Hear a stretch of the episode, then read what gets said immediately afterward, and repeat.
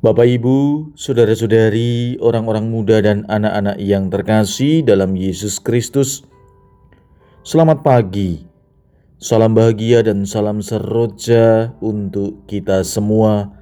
Berkah dalam bersama dengan saya, Romo Antonius Garbito Pambuaji, menyampaikan salam dan berkat Allah yang Maha Kuasa. Dalam nama Bapa dan Putra dan Roh Kudus. Amin. Hari ini Kamis 31 Desember adalah hari ketujuh dalam oktav Natal. Bacaan pertama diambil dari surat pertama Rasul Yohanes bab 2 ayat 18 sampai dengan 21. Bacaan Injil diambil dari Injil Yohanes bab 1 ayat 1 sampai dengan 18. Pada awal mula adalah firman. Firman itu ada bersama-sama dengan Allah dan firman itu adalah Allah. Firman itu pada mulanya bersama-sama dengan Allah. Segala sesuatu dijadikan oleh Dia, dan tanpa Dia tidak ada suatu pun yang telah jadi dari segala yang telah dijadikan. Dalam Dia ada hidup, dan hidup itu adalah terang bagi manusia. Terang itu bercahaya di dalam kegelapan, tetapi kegelapan tidak menguasainya. Datanglah seorang yang diutus Allah, namanya Yohanes.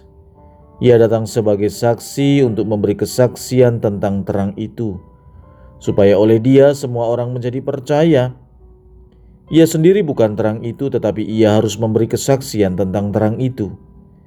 Terang yang sesungguhnya yang menerangi setiap orang sedang datang ke dalam dunia. Terang itu telah ada di dalam dunia dan dunia dijadikan olehnya. Tetapi dunia tidak mengenalnya. Ia datang kepada milik kepunyaannya, tetapi orang-orang kepunyaannya itu tidak menerimanya. Tetapi semua orang yang menerima Dia diberinya kuasa menjadi anak-anak Allah, yaitu mereka yang percaya dalam namanya. Orang-orang yang diperanakkan bukan dari darah atau daging, bukan pula secara jasmani oleh keinginan seorang laki-laki, melainkan dari Allah.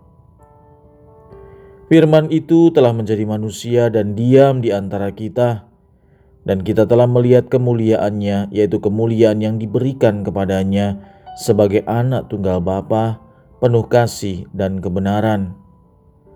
Tentang dia, Yohanes memberi kesaksian dan berseru, Inilah dia yang kumaksudkan ketika aku berkata, Sesudah aku akan datang dia yang telah mendahului aku, sebab dia telah ada sebelum aku.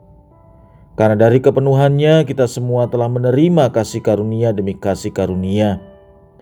Sebab hukum Taurat diberikan oleh Musa, tetapi kasih karunia dan kebenaran datang oleh Yesus.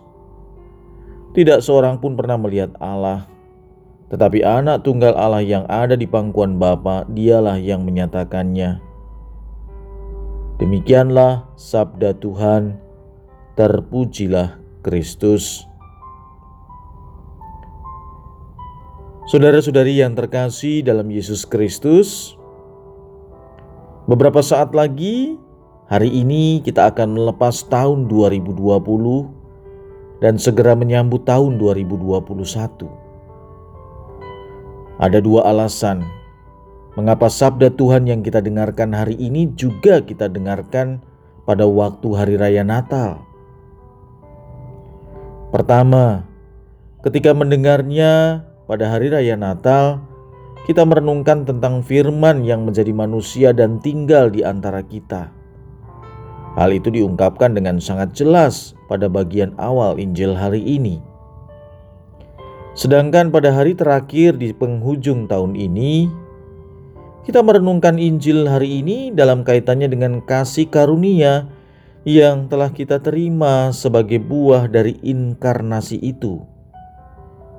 Injil hari ini mengatakan, "Karena dari kepenuhannya kita semua telah menerima kasih karunia demi kasih karunia, sebab hukum Taurat diberikan oleh Musa, tetapi kasih karunia dan kebenaran datang oleh Yesus Kristus." Dengan hadirnya firman yang menjadi manusia, kita telah menerima kasih karunia demi kasih karunia sepanjang hari dan bahkan sepanjang tahun. Yesus yang datang di dunia sebagai pribadi yang menemani perjalanan hidup kita dengan memberikan berbagai rahmat yang kita perlukan agar kita dapat hidup dengan layak di hadapannya. Ketika kehidupan kita berjalan tidak dengan mulus, bahkan kita pun jatuh ke dalam dosa, Yesus siap untuk mengampuni dan menerima kita kembali serta memberikan kesempatan baru untuk melangkah lagi di kehidupan selanjutnya. Di hadapan Tuhan, tiada jalan buntu.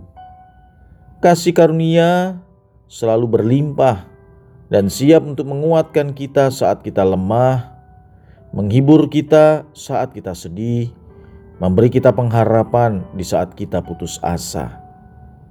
Terutama di sepanjang tahun 2020 ini, kita menjalani dan mengalami betapa beratnya kehidupan ini karena situasi pandemi yang belum berakhir. Bahkan nampak semakin membuat kita takut karena munculnya varian baru. Tetapi ingat, tiada jalan buntu di hadapan Tuhan, karena kita siap dikuatkan saat kita lemah kita siap dihibur saat kita sedih, dan kita tetap mempunyai harapan di saat kita putus asa.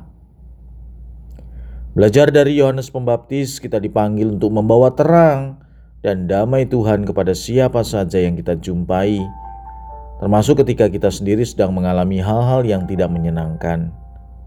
Inilah iman yang berpengharapan, seperti yang kita renungkan hari kemarin.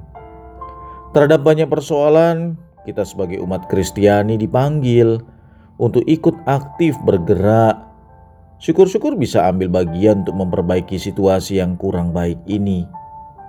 Di tahun yang baru kita ditantang untuk tegak berdiri mewartakan kebenaran dan keadilan bagi sesama.